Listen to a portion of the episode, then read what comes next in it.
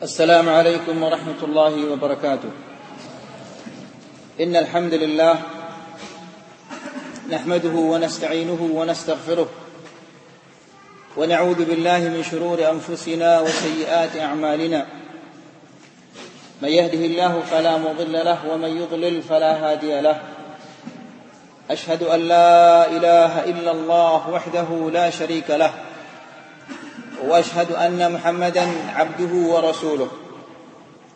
يا أيها الذين آمنوا اتقوا الله حق تقاته ولا تموتن إلا وأنتم مسلمون. يا أيها الناس اتقوا ربكم الذي خلقكم من نفس واحدة وخلق منها زوجها وبث منهما رجالا كثيرا ونساء.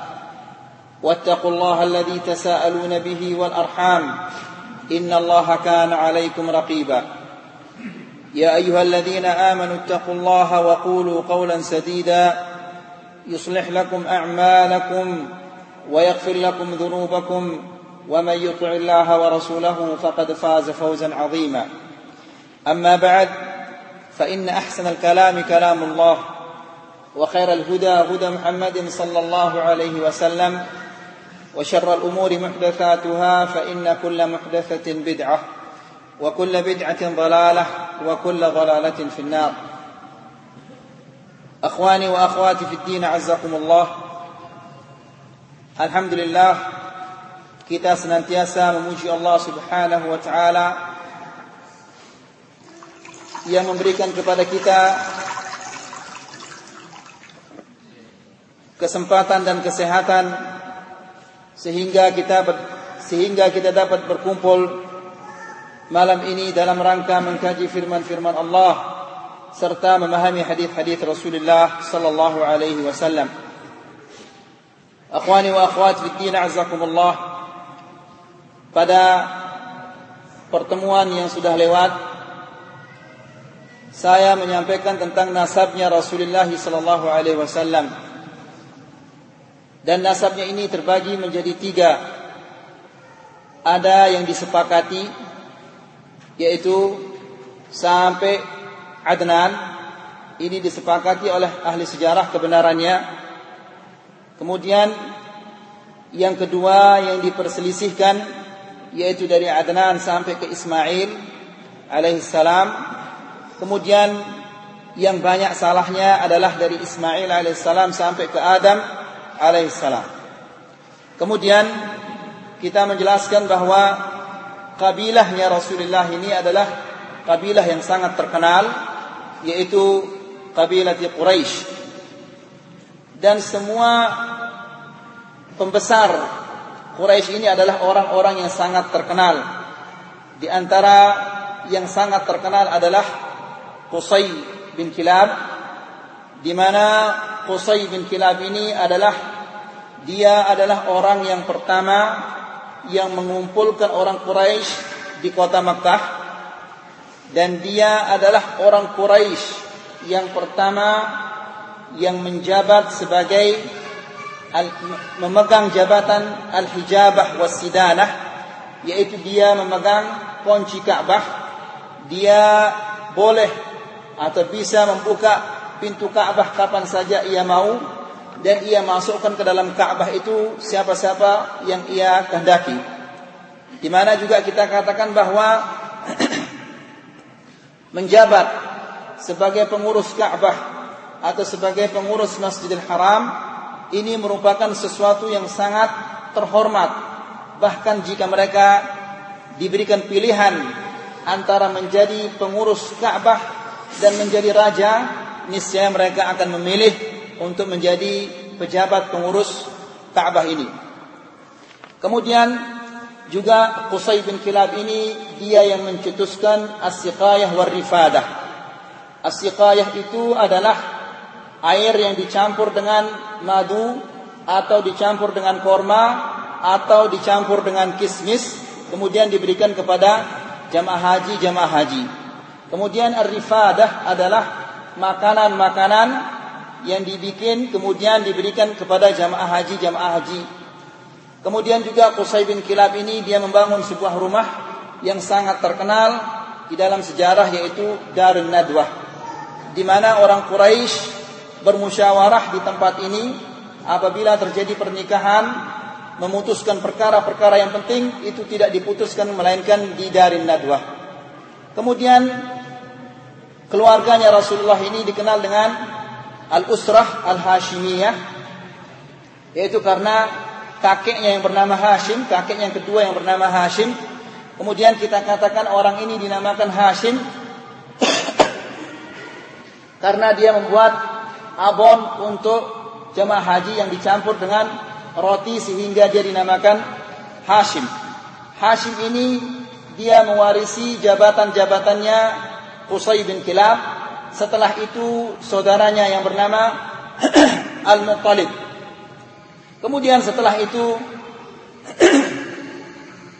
Jabatan-jabatan ini diwarisi oleh uh, kakeknya Rasulullah Shallallahu Alaihi Wasallam. Yang pertama yaitu Abdul Muttalib yang sangat terkenal di di masanya. Kemudian Abdul Muttalib ini dia terkenal karena di zamannya itu terjadi dua peristiwa yang sangat penting yang kita akan jelaskan sekarang yaitu pertama penggalian sumur Zam-Zam dan yang kedua adalah penyerbuan Abraha pasukan Abraha yang datang ke Mekah untuk menghancurkan Al-Ka'bah. Pada pertemuan yang kemarin kita mengatakan bahwa Jurhum ketika mereka menjadi mengurus Masjidil Haram, mengurus jamaah haji, lama kelamaan mereka melakukan kezaliman. Mereka mengambil harta-harta Masjidil Haram. Di mana dahulu raja-raja ini apabila ingin menyumbangkan hartanya, maka harta ini diambil kemudian dimasukkan di dalam Ka'bah. Di mana di dalam Ka'bah ini ada sebuah lubang, di sana diletakkan mas-masan yang disumbangkan kepada Al-Ka'bah atau kepada Masjidil Haram. Lalu ketika terjadi peperangan antara anak-anaknya Ismail dan suku Jurhum ini, maka kalahlah suku Jurhum ini, lalu semua harta Ka'bah ini diambil, lalu mereka masukkan dia melemparnya ke dalam sumur Zam-Zam, kemudian juga mereka mencopot Al-Hajar Al-Aswad, lalu mereka masukkannya ke dalam sumur Zam-Zam, lalu mereka mengambil batu yang besar, ya, dan mereka menimbun eh, sumur Zam-Zam ini semenjak itu sumur Zam-Zam ini tidak ada lagi sampai tiba Abdul Muttalib menggalinya. Ceritanya sebagaimana dijelaskan di dalam kitab Rahiqul Maktum wa khulasatuhu intinya adalah annahu umira fil manami bihafri zamzam wa wusifa lahu Abdul Muttalib ini diperintahkan di dalam mimpi untuk menggali sumur Zamzam dan di dalam mimpi itu diterangkan di mana letak posisinya sumur itu. Faqama yahfir. Lalu dia mulai menggali sumur ini. Fawajada fihi al-ashya' allati dafanatha al-jarahima hina laja'u ila hina laja'u ila al-jala. Ketika dia menggali dan menggali, maka dia temukan apa-apa yang ditumput yang dibuang oleh suku Jurhum ay suyuf wa duru' wal ghazalain min dhahab Dia menemukan pedang-pedang dan tameng-tameng dan ada dua menjangan yang terbuat dari emas itu yang ditemukan oleh Abdul Muttalib karena semua ini adalah termasuk harta Ka'bah yang dibuang oleh Jurhum. Fatarab al-asyafa baban lil Ka'bah. Pedang-pedang emas itu dibuat lempengan kemudian dipakai untuk membuat pintu Ka'bah. Wa daraba fil babil ghazalaini safaiha min adh-dhahab. Kemudian juga dua menjangan yang terbuat dari emas itu dibuat menjadi lempengan kemudian juga dipasang untuk dibuat pintu Ka'bah. Wa aqama siqayat Zamzam lil hujjaj. Lalu dia mengadakan siqayah untuk jamaah haji jamaah haji yang datang berhaji. Jadi akhwani fitina azakumullah, jangan antum heran. Orang-orang musyrikin dulu walaupun mereka musyrik itu mereka berhaji. Mereka rajin berhaji, mereka umrah, mereka bersedekah dan mereka melakukan salat, puasa, tapi mereka tidak masuk Islam, mereka tidak termasuk Islam. Kenapa demikian? Karena di samping mereka meminta kepada Allah juga mereka meminta kepada selain Allah Subhanahu wa taala. Itu yang menyebabkan mereka itu tidak menjadi orang Islam. Ya. Kemudian walamma badat bi'ru Zamzam naz'at Quraisy Abdul Muttalib. Ketika tanda-tanda sumur Zamzam ini sudah nampak, maka orang-orang Quraisy berselisih dengannya, bertengkar dengannya. Dan mereka mengatakan, "Asyrikna wahai Abdul Muttalib, sertakanlah kami. Gabungkanlah kami untuk mendapatkan bagian dari kepemilikan sumur ini. Karena ini sumur ini bukan sumurmu. Ini sumur adalah yang digali oleh kakek kakek kami Ismail, kakek kita Ismail, bukan sumurmu sendiri. Maka Abdul Muttalib mengatakan, "Ma ana bifa'il." Saya tidak akan lakukan itu. Saya tidak akan menggabungkan kalian dalam kepemilikan Zam-Zam ini. Hada amrun khusus bihi ana. Ini adalah sesuatu yang dikhususkan untuk saya. Falamma falam yatrukuhu. Mereka tidak mau membiarkannya mengambil keputusan itu hatta kharaju bihi lil muhakamah ila kahinah. Sehingga mereka mengambil keputusan kalau begitu biarlah yang mengambil keputusan dalam perkara ini kita berhukum ke seorang dukun dari suku Bani Sa'ad yang berada di ujung negeri Syam. Ya, jadi tidak ada kesepakatan, tidak ada keputusan, maka mereka mengambil keputusan kalau gitu mari kita ke seorang kahinah, seorang dukun biar dia yang memutuskan perkara kita ini. Abdul Muttalib mengatakan, "Wa kana tariq ila Syam idzak mafazah." Di saat itu jalan menuju Syam ini adalah jalan yang susah ditempuh dan airnya jarang sekali, tidak ada air. Ya, wa nafadal ma'u tariq. Habislah airnya di tengah jalan. Airnya Abdul Muttalib. فأنزل الله مطرا على عبد ala على عبد المطلب ولم ينزل yunzil alaihim. Maka Allah Subhanahu wa taala menurunkan hujan kepada Abdul Muttalib dan tidak menurunkan hujan kepada orang-orang lain itu. Di riwayat yang lain dijelaskan oleh Ibnu Syam bahwa dengan takdir Allah Subhanahu wa taala ketika Abdul Muttalib ini meyakini bahwa dia dan kawan-kawannya ini akan mati dari suku Bani Hashim bahwa sudah kalau begitu kita ini akan pasti akan mati maka masing-masing di antara mereka menggalikan untuk dirinya apa? Kubur. Ya biar sudah kita mati. Tapi Abdul Muttalib mengatakan masa kita mau mati konyol begini tanpa ada usaha? Ayo bangun. Kita harus cari air. Begitu Abdul Muttalib ini nunggang di kudanya, baru kudanya bergerak, tiba-tiba muncullah air dari kaki kudanya. Ini yang diriwayatkan oleh Ibnu Hisham. Maka apa pun riwayatnya, riwayat yang pertama atau yang kedua hujan itu turun atau air keluar dari kaki uh, dari bawah kaki kuda itu. Dengan peristiwa ini orang-orang Quraisy menyadari. Fa'arafu takhsis Abdul Muttalib bi Zamzam wa raja'u. Mereka menyadari ternyata benar-benar wahai Abdul Muttalib Allah Subhanahu wa taala memberikanmu keistimewaan. Di mana di tempat yang kering seperti ini engkau diberikan hujan diturunkan oleh Allah menurunkan hujan kepadamu atau memberimu memberimu minum mungkin Allah juga yang memberikanmu keistimewaan untuk menggali sumur yang pernah digali oleh kakek kita yaitu Zam-zam ini maka mereka akhirnya tidak jadi ke dukun itu mereka uh, pasrah dan menyerahkan apa kepemilikan sumur ini kepada Abdul Muttalib. Kemudian akhwani fi din azakumullah. Wa hina la in ataahu Allah 'asharata abna wa balagu an yamna'uhu la yanharanna ahaduhum 'inda al-Ka'bah. Di saat itulah Abdul Muttalib ini bernadar Seandainya Allah subhanahu wa ta'ala memberikan saya sepuluh anak laki-laki dan mereka mampu membela saya, saya akan menyembelih satu di antara mereka. Ya, ini nazarnya Abdul Muttalib tentunya itu tidak boleh mengikuti nazar ini.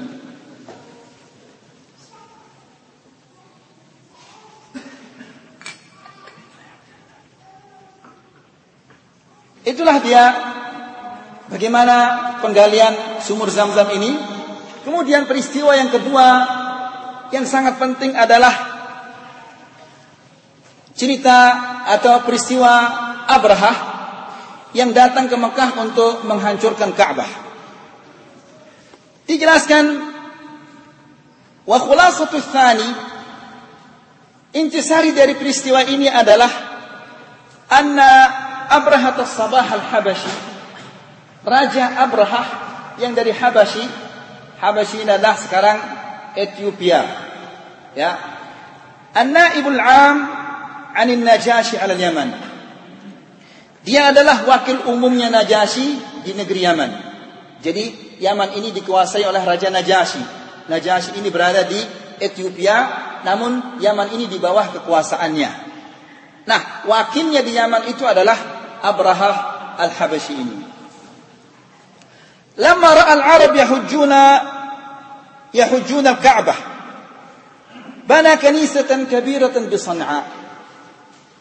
Ketika dia melihat bangsa Arab ini setiap tahun berhaji ke Mekah dan mendatangi Ka'bah itu, rupanya dia iri hati, tidak senang. Maka dia membangun sebuah gereja di kota Sana'a Dijelaskan oleh Ibn Hisham bahwa gereja ini namanya Al-Qullais. Ya. Dia membangun gereja di kota San'a. Wa arada an yasrifa hajjal Arab ilaiha. Dan dia ingin mengalihkan haji itu haji bangsa Arab ke Yaman. Sudah. Setelah membangun gereja ini tidak ada tidak ada lagi haji ke Mekah, tapi haji itu ke Yaman. Ya, itu yang diinginkan oleh siapa? Oleh uh, Abrah. Maka wasami'a bidzalika rajulun min Bani Kinanah. Apa yang diumumkan oleh Abraha ini didengar oleh bangsa Arab. Di antara salah satu yang mendengarnya ini adalah seorang laki-laki dari suku Bani Kinanah. Maka orang ini fadakhala laylan dia nyelundup dan dia masuk ke masuk malam-malam ke gereja ini Kemudian falataha qiblataha bil adrah. Kemudian dia berak di gereja itu, kemudian kotorannya di apa di di lumur di di kiblatnya. Di bagian depannya itu digosok dengan kotorannya. Ya, padahal ini gereja yang diagungkan sama Abraham sehingga dia ingin menyuruh mengalihkan haji itu ke Al-Yaman.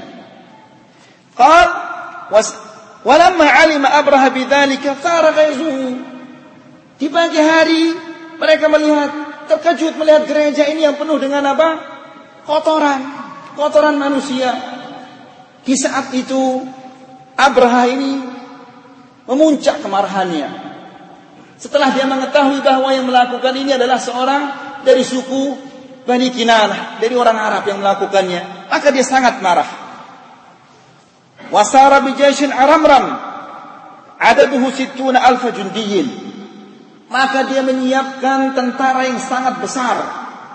Yang jumlahnya adalah 60 ribu. Ila Ka'bah yahdimaha dia menyiapkan tentara yang begitu besar yang jumlahnya 60 ribu untuk menghancurkan Ka'bah itu. Waqtara li nafsihi filan min akbaril fialah. Dan dia memilih seekor gajah. Gajah yang paling besar.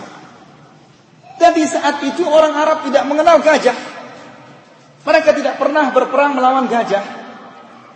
Ya, karena di tempat mereka tidak ada gajah. Gajah ini didatangkan dari Afrika karena dia adalah perwakilan dari Ethiopia. Maka didatangkan gajah itu. Sementara orang Arab tidak mengenal, tidak pernah berperang melawan gajah ini. Wa kana fil jaishi tis'atu fiyalah aw thalatha ta'asyara filan. Tentaranya itu terdiri dari 9 atau 13 gajah. Wa tahayya li dukhuli Makkah. Dan dia sudah bersiap-siap untuk memasuki kota Makkah dan menghancurkan Ka'bah ini. Hatta balagal mughammas wa wasala wa wasala sayrahu hatta balagal mughammas. Dia terus berjalan sampai di sebuah tempat yang namanya Al-Mughammas. Al-Mughammas ini adalah sebuah sebuah tempat sebelum memasuki kota Makkah. Wa hunaka abba jaishahu Ketika dia sudah sampai di kota Mughammas ini, dia atur, dia susun lagi tentaranya. Wahayya'a fiyalahu. Wahayya'a fiyalahu. Dan dia persiapkan gajahnya. Gajah yang ditunggang oleh Abraha ini. Watahayya'a lidukhuli Makkah. Dan dia sudah siap untuk memasuki kota Makkah untuk menghancurkan Ka'bah.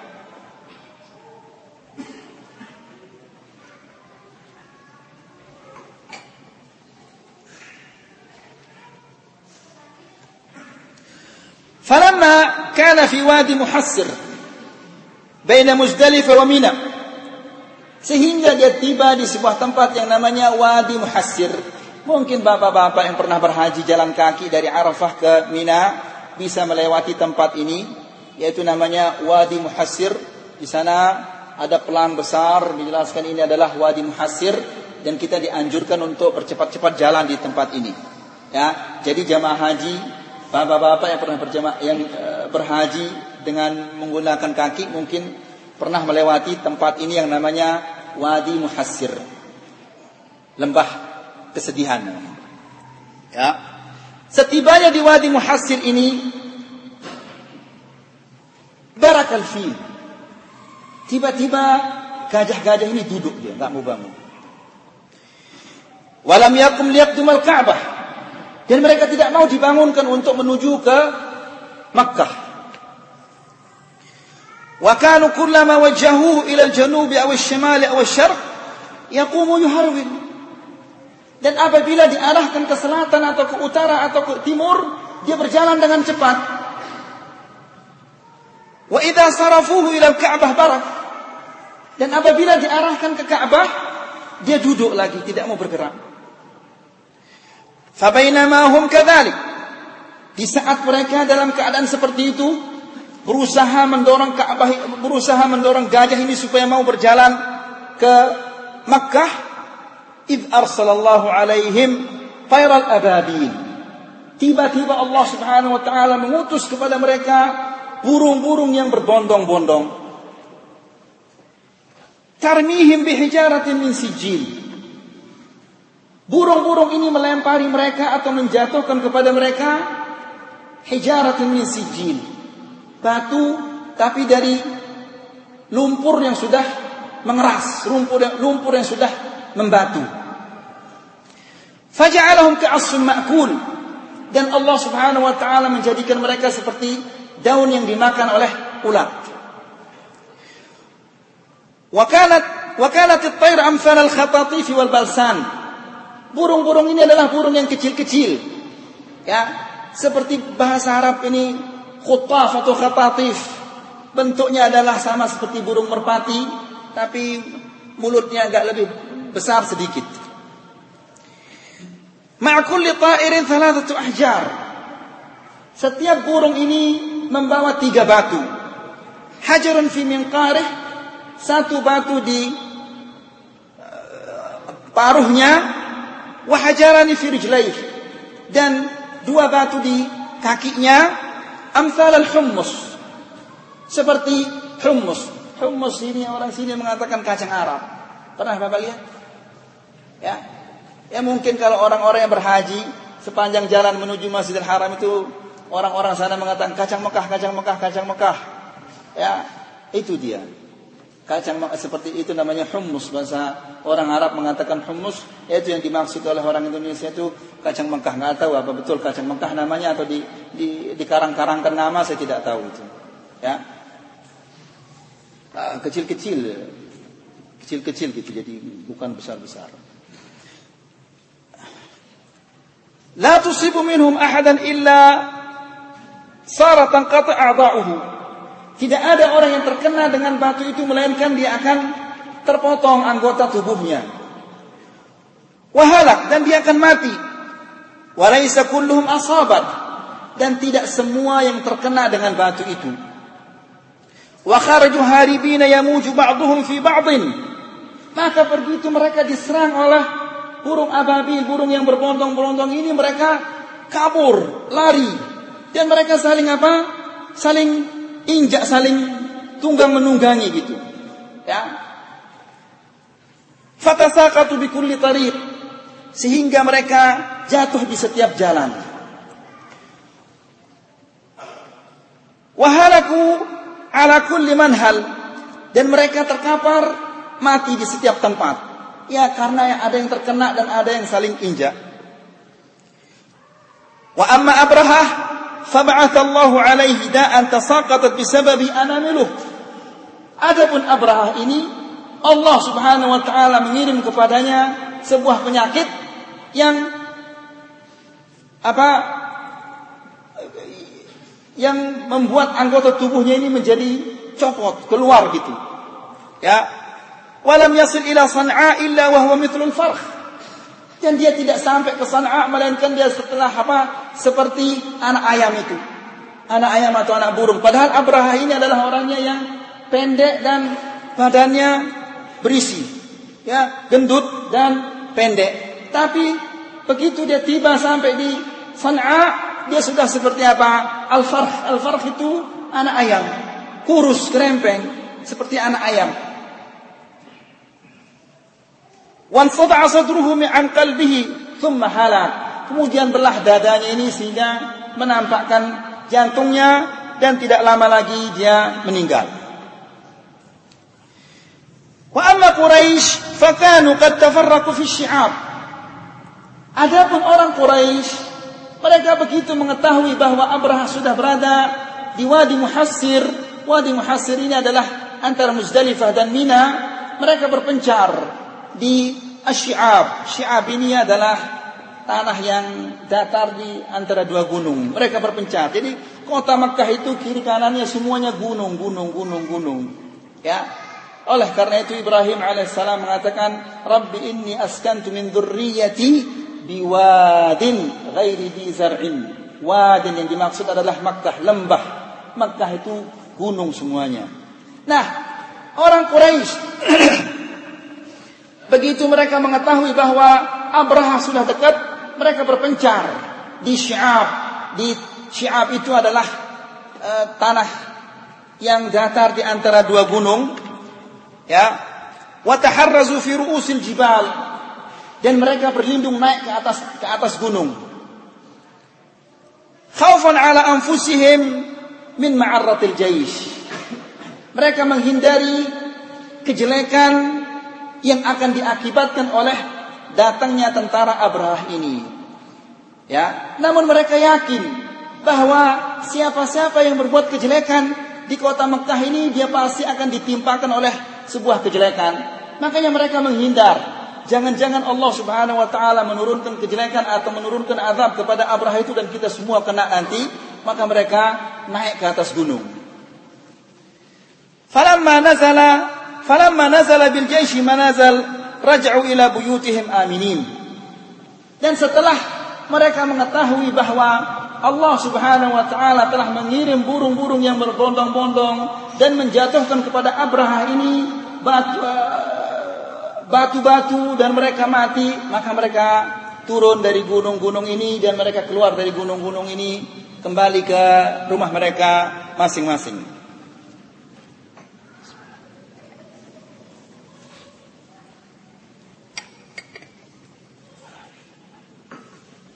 Dan selamatlah Quraisy dari kejelekan yang akan terjadi dengan datangnya Abraha ke kota Mekah ini.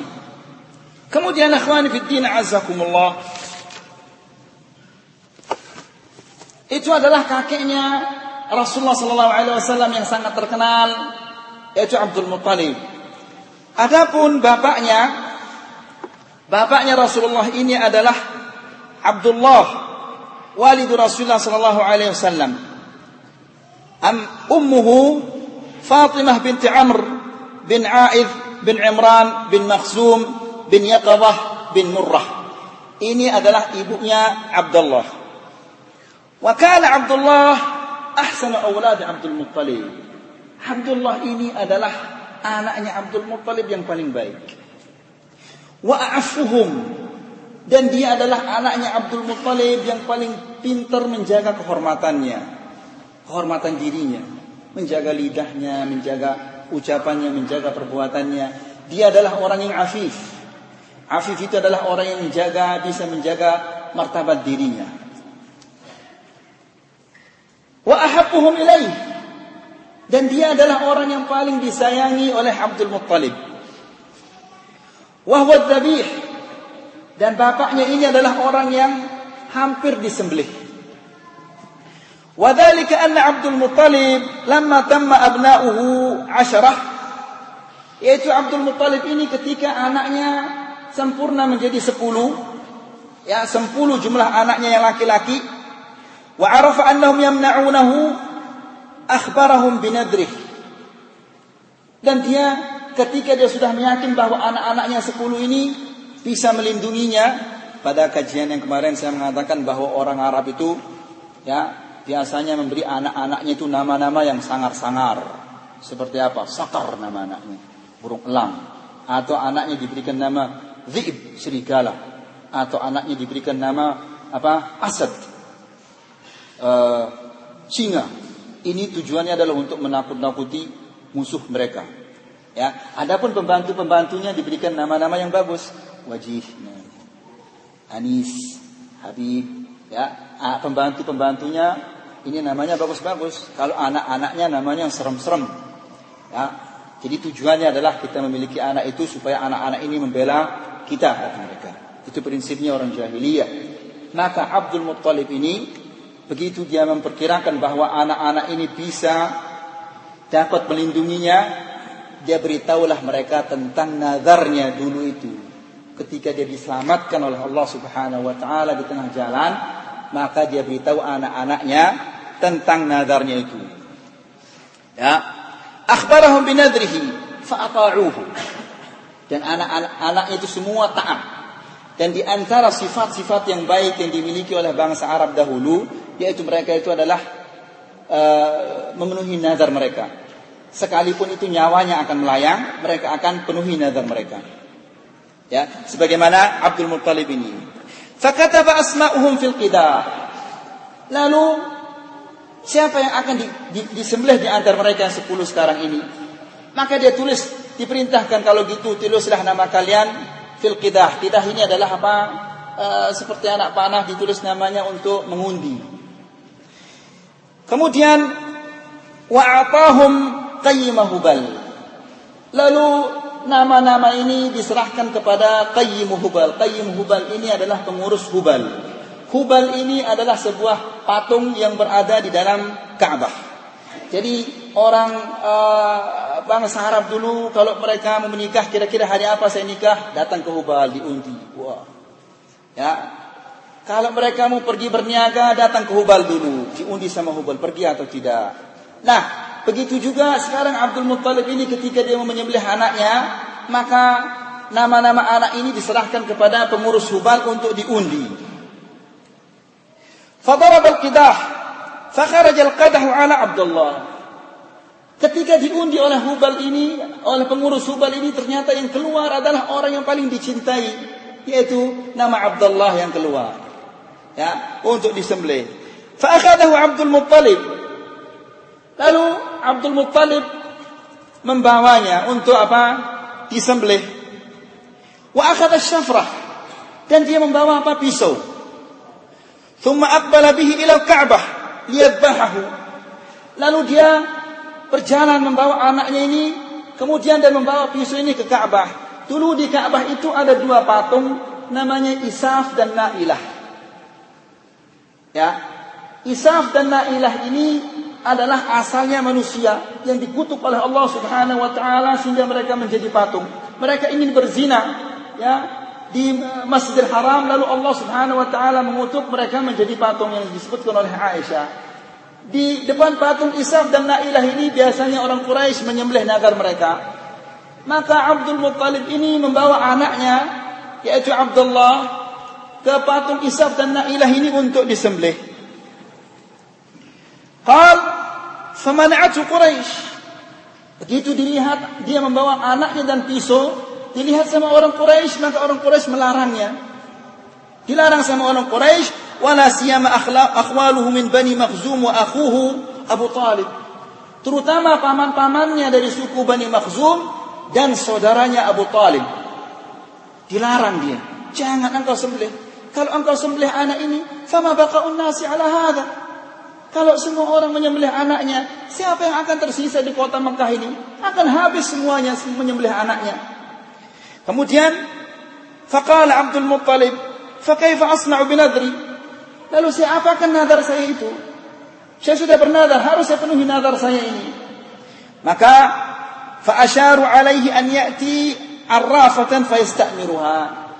Kalau begitu begini saja Abdul Muttalib, coba kamu datangi seorang arrafah jadi kehidupan orang jahiliyah itu tidak bisa lepas dari apa uh, dukun dan tukang seher dan jin jadi silahkan ya kamu datangi seorang arrafah seorang tukang tenung ya minta pendapatnya fa'ataha Lalu Abdul Muttalib mendatangi Arafah ini, tukang tenung ini. Ibnu Hisham menjelaskan bahwa Arafah ini berada di kota Madinah. Qal, fa'amarat an yadrib al-qidah ala Abdullah wa ala ashrin min al-ibil. Kalau gitu ya Abdul Muttalib undi dia sekarang anakmu dan sepuluh ekor onta. Setiap kali anakmu keluar ganti dengan sepuluh ekor onta. Ya, begitu terus. Qal fa in kharajat ala Abdullah yazidu 'ashran min al-ibil hatta yarda rabbahu. Hatta yarda rabbuhu. Jadi kalau anakmu, kalau anakmu yang keluar ganti dia dengan onta. Anakmu keluar ganti lagi dengan onta 10 onta 10 onta. Ya. Fa in kharajat 'ala al-ibli naharaha. Kalau ontanya yang keluar maka sembelihlah onta itu. Tapi kalau anakmu yang keluar Ya Abdullah yang keluar ganti dia dengan 10 ekor onta undi lagi. Ya, kalau keluar anakmu ganti dia tebus lagi dia dengan apa 10 ekor onta. Faraja'a wa aqra'a bainahu wa bain 'ashratin min al-ibil fawaqa'at al-qur'ah 'ala Abdullah.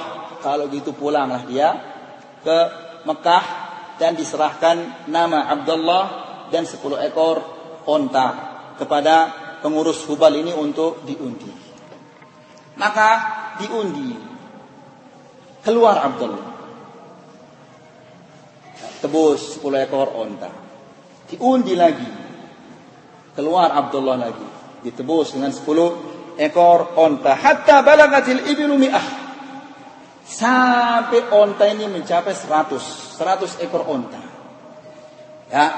Jadi 100 ekor onta itu onta itu mahal.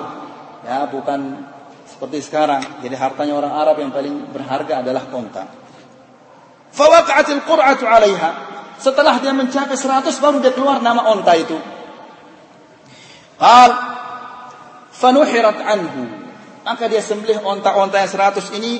Thumma tarakaha Abdul Muttalib la yaruddu anha insanan wala sab'an. Maka onta yang 100 ini dibiarkan oleh Abdul Muttalib tidak diambil. Silahkan siapa-siapa yang mau mengambil dagingnya silahkan. Binatang buas, burung-burung semua yang mau makan daging ini, daging onta ini silahkan dimakan. Wa fi Quraisy wa fil Arab 10 min al-ibil. Di saat itu dia tebusan orang yang membunuh orang di bangsa Arab itu 10, 10 ekor onta. Jadi jika seseorang membunuh seseorang, maka itu tebusannya adalah 10 ekor onta. Kemudian, fajarat ba'da hadhil waqi'ah mi'atun minal ibil. Setelah peristiwa ini, maka tebusan orang yang membunuh itu adalah 10, uh, 100 ekor onta. Ya, setelah peristiwanya Abdul Muthalib ini yang ingin menyembelih anaknya, wa aqarrahal Islam. Yang 100 ekor onta itu ditetapkan oleh Islam. Wa ruwiya Nabi sallallahu alaihi wasallam annahu qala ana ibnu dzabihain. Aku adalah cucu oh, dua orang yang akan disembelih yaitu Ismail alaihissalam dan bapaknya Abdullah.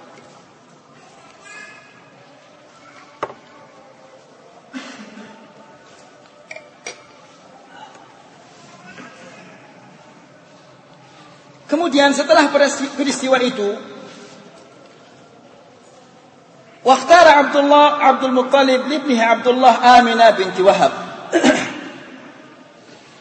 Setelah peristiwa itu, Abdul Muttalib ini memilihkan untuk putranya ini seorang apa perempuan untuk dinikahi yaitu Aminah binti Wahab.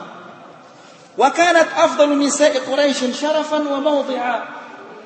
Aminah binti Wahab ini adalah wanita Quraisy yang paling mulia baik dari, dari segi syarafnya, kedudukannya maupun dari segi martabatnya. Wa kana abuha Wahab, bapaknya, bapaknya Aminah ini yang namanya Wahab, Sayyid Bani Zuhrah. Pemuka atau pemimpin suku Zuhra. Fatammatil khitbah was zawaj. Maka dilamar kemudian dinikahkan dia dengan uh, Aminah binti Wahab. Wabala biha Abdullah bi Makkah fahamalat bi Rasulullah sallallahu alaihi wasallam. Maka dia berkumpul dengan istrinya di Mekah dan hamillah dia uh, Aminah ini. Wa ba'da fatratin arsalahu Abdul Muttalib ila Madinah. Tidak lama kemudian setelah pernikahannya itu Abdullah ini diutus oleh Abdul Muttalib untuk pergi ke Madinah atau ke Syam untuk melakukan suatu perniagaan. Fatufiya bil Madinah raji'an min Syam. Maka meninggallah dia di Madinah ketika dia mau kembali dari negeri Syam. Wadufina fi darin Nabighah Ad-Dubyani dan dia dikuburkan di rumahnya An-Nabighah Ad-Dubyani. Wadhalika qabla wiladatihi 'ala al-asah. Dan itu sebelum Rasulullah sallallahu alaihi wasallam lahir. Mauliduhu. Kelahiran Rasulullah sallallahu alaihi wasallam. Wulida Rasulullah sallallahu alaihi wasallam di Sy'ab Bani Hashim di Makkah. Rasulullah sallallahu alaihi wasallam ini dilahirkan di Sy'ab Bani Hashim di Makkah. Mungkin bapak-bapak yang pernah berhaji ya di depan Masjidil Haram itu ada tempat namanya Maulidun Nabi. Ya, ada sebuah rumah yang sekarang dijadikan Maktabatul Makkah, sebuah perpustakaan. Di sana jamaah haji jamaah haji Indonesia dan jamaah haji jamaah haji yang lainnya biasanya berdoa di sana. Padahal di sana itu tidak disyariatkan untuk berdoa karena itu adalah rumahnya Abdul Muttalib menurut ahli sejarah. Itu rumahnya Abdul Muttalib. Lah untuk apa berdoa di rumahnya Abdul Muttalib? Abdul Muttalib adalah orang kafir. Ya, jadi biasanya jemaah haji jemaah haji Indonesia berkumpul di sana di pagi hari, siang dan seterusnya. Ya, berdoa berdoa di sana dan foto-fotoan. Itu semua adalah tidak disyariatkan karena itu bukanlah sesuatu apa yang ada nilai tambahnya karena itu adalah rumahnya Abdul Muttalib dan kata mereka di sana ada ada apa namanya sisa-sisa darahnya Rasulullah itu semuanya bohong belaka. Tidak ada darahnya Rasulullah dan tidak ada apa-apa. Itu semuanya bohong. Jadi jangan antum tertipu karena melihat banyaknya orang berdoa berdoa di sana, antum nanti ikut-ikutan berdoa, itu adalah bid'ah walalah. Tidak pernah disyariatkan oleh Rasulullah sallallahu alaihi wasallam dan juga tidak pernah dilakukan oleh sahabat-sahabatnya. Di Sy'ab Bani Hashim. Di Sy'ab Bani Hashim tadi kita katakan adalah Sy'ab itu adalah tanah yang datar di antara dua gunung. Itu namanya Sy'ab Bani Hashim. Ini ada telepon siapa nih?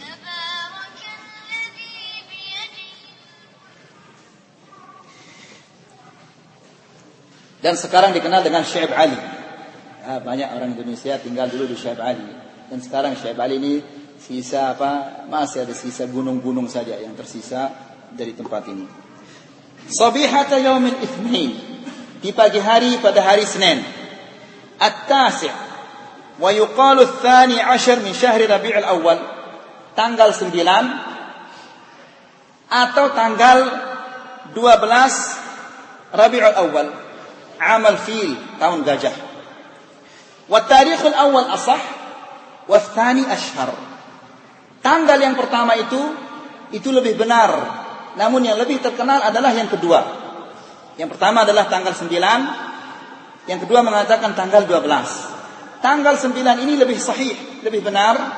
Namun yang lebih terkenal adalah yang kedua yaitu tanggal 12. وهو يوم وهو يوافق اليوم الثاني والعشرين من شهر أبريل yaitu berkenaan dengan tanggal 22 April tahun 571 wa kanat qabilatuhu aw dayatuhu Asy-Syifa binti Amr Ummu Abdurrahman bin Auf. Bidan beranak apa namanya bidan beranak namanya? Hah? bidan yang menolongnya beranak itu bidan apa namanya? Hah? bidan beranak. Ya itu namanya dal atau bahasa baik bukan dukun eh, yang membantunya melahir itu bidan beranak baik wa kanat qabilatuhu aw dayatuhu Asy-Syifa binti Amr namanya Syifa binti Amr ibunya Abdurrahman bin Auf. Bukan Abu Auf. Abdurrahman bin Auf. Ya. Radhiyallahu anhu. ولما ولدته أمه خرج منها نور أضاءت له قصور الشام ketika ibunya melahirkannya keluar dari ibunya ini adalah sinar yang yang, yang menerangi istana-istana di negeri Syam Wa arsalat ila jaddihi Abdul Muttalib tubashiruhu biwiladatihi. Kemudian ibunya ini mengutus seseorang untuk menyampaikan kabar gembira ini kepada Abdul Muttalib. Faja'a Abdul Muttalib mustabshiran masrura. Maka Abdul Muttalib ini datang dalam keadaan gembira. Wa hamalahu fa adkhalahu al-Ka'bah. Lalu diambil anak ini dan dibawa masuk ke Ka'bah. Wa syakara Allah wa da'ahu wasammahu Muhammada. Maka dia berdoa, dia bersyukur kepada Allah dan dia berdoa kepadanya dan anak ini diberi nama Muhammad. Raja'an yuhmad. Karena dia berharap supaya anak ini menjadi orang yang terpuji.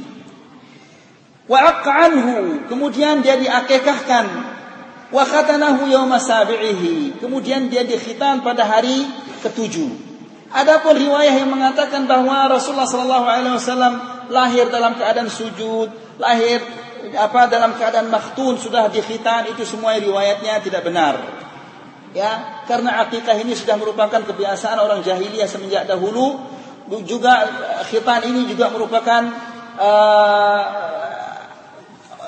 apa namanya ibadahnya orang dahulu. Ya, sudah ma'ruf. Wa at'aman nas kama kana al-Arab yaf'alun. Kemudian dia memberikan orang makan sebagaimana kebiasaan orang Arab. Ya. Wa kanat hadinatuhu Ummu Aiman. Hadinah pengasuhnya adalah Ummu Aiman Barakat al-Habasyiyah, dia dari Habasyah, Ethiopia. Maulat walidihi Abdullah. Ummu Aiman ini adalah budak yang dimerdekakan oleh ayahnya, Abdullah. Waqad baqiyat hatta aslamat. Dan dia orang ini tetap hidup sampai dia masuk Islam. Artinya umurnya panjang sampai dia masuk Islam. Wahajarat dan dia sempat hijrah. Wa tufiyat ba'da Nabi sallallahu alaihi wasallam bi khamsati ashhur. Dan dia meninggal lima bulan setelah kematian Rasulullah sallallahu alaihi wasallam atau sittata ashhur atau enam bulan. وأول من أرضعته صلى الله عليه وسلم بعد أمه ثويبة Wanita yang pertama kali menyusui Rasulullah sallallahu alaihi wasallam setelah ibunya adalah Thuwaibah. Thuwaibah ini adalah maulatu Abi Lahab. Budaknya Abu Lahab. Bilaban ibn Laha yuqalu Masruh. Di saat itu juga Thuwaibah ini menyusui anaknya yang namanya Masruh. Maka Masruh ini adalah saudara susuannya Rasulullah sallallahu alaihi wasallam. Wa kanat qad arda'at qablahu Hamzah bin Abdul Muttalib. Wa ba'dahu Salamah bin Abdul Asad Al-Makhzumi. Sebelumnya Thuwaibah ini pernah menyusui Hamzah bin Abdul Muttalib, pamannya Rasulullah sallallahu alaihi wasallam. Juga Abu Salamah bin Abdul Asad Al-Makhzumi. Fahum ikhwatuhu min ar-radha'ah. Maka Hamzah dan Abu Salamah ini adalah saudara susuannya Rasulullah sallallahu alaihi wasallam. وقد أعتق أبو لهب أمته هذه فرحا بولادة رسول الله صلى الله عليه وسلم Abu Lahab saking gembiranya atas kelahirannya Rasulullah sallallahu alaihi wasallam ini dia merdekakan budaknya ini. Memerdekakan budak itu adalah sesuatu yang sangat terpuji di kalangan bangsa Arab. Nah, Abu Lahab ini karena dia gembira karena kelahiran Rasulullah wasallam, maka dimerdekakan budaknya. Ya, tapi jangan dia, ah, ini Abu Lahab aja senang dia dengan kelahirannya Rasulullah dan ini dibikin alasan untuk apa? Mengadakan maulid. Ya. Walakinahu sara alad a'daihi. Akan tetapi Abu Lahab ini menjadi musuhnya Rasulullah wasallam yang paling besar. Hina qama bid-da'wati ila islam ketika Rasulullah sallallahu alaihi wasallam berdakwah mengajak orang masuk Islam, maka musuhnya yang paling besar adalah Abu Lahab ini. Padahal ketika dia lahir dia sangat senang dengan kelahirannya Rasulullah sallallahu alaihi wasallam. Jadi itu bukan ukuran kalau ada orang pertama kali hari pertama, kedua, seminggu, dua minggu, setahun, dua tahun dia senang sama kita itu bukan jaminan dia akan terus menerus senang kepada kita. Mungkin besok atau lusa dia akan menjadi musuh berat kita. Lah banyak akhwan-akhwan kita yang apa terpengaruh dengan awalnya dia rajin ngaji, kemudian ikut ngaji sana, ikut ngaji sini, akhirnya kita menjadi musuh yang paling besar. Ya. Kemudian ikhwani fi din azakumullah.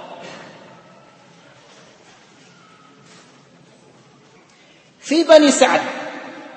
Rasulullah sallallahu alaihi wasallam berada di tengah suku Bani Sa'ad.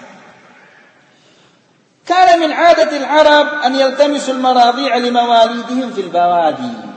Kebiasaan orang Arab itu mencarikan anaknya tukang menyusui apa namanya bahasa ini?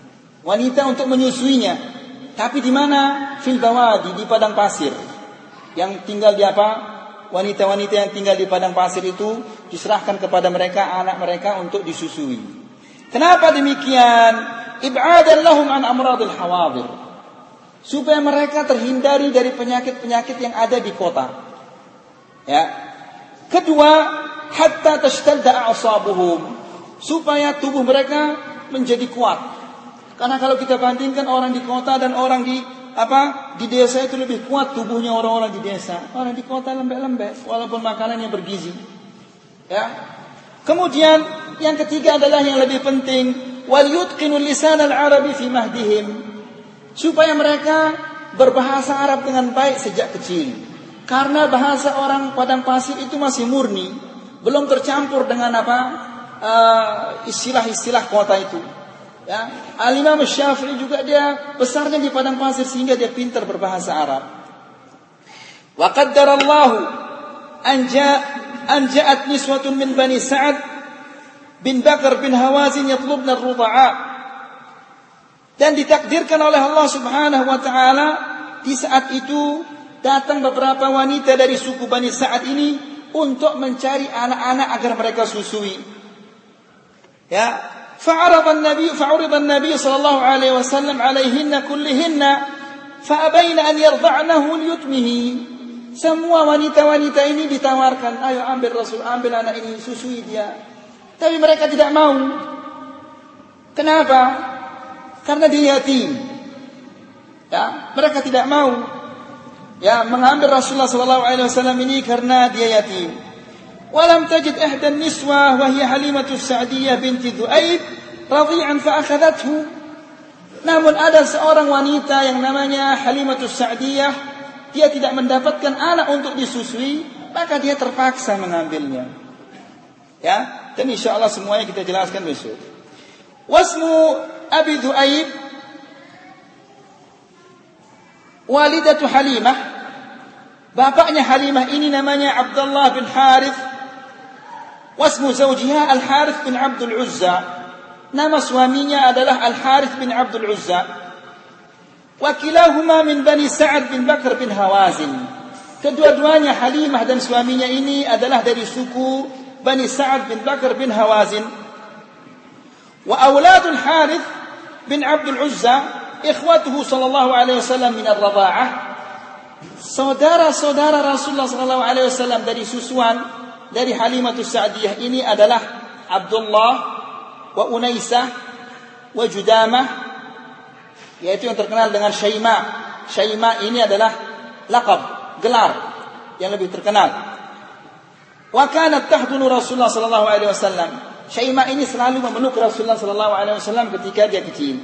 Inilah mereka saudara-saudara susuannya Rasulullah sallallahu alaihi wasallam uh, pada Halimatu As-Sa'diyah.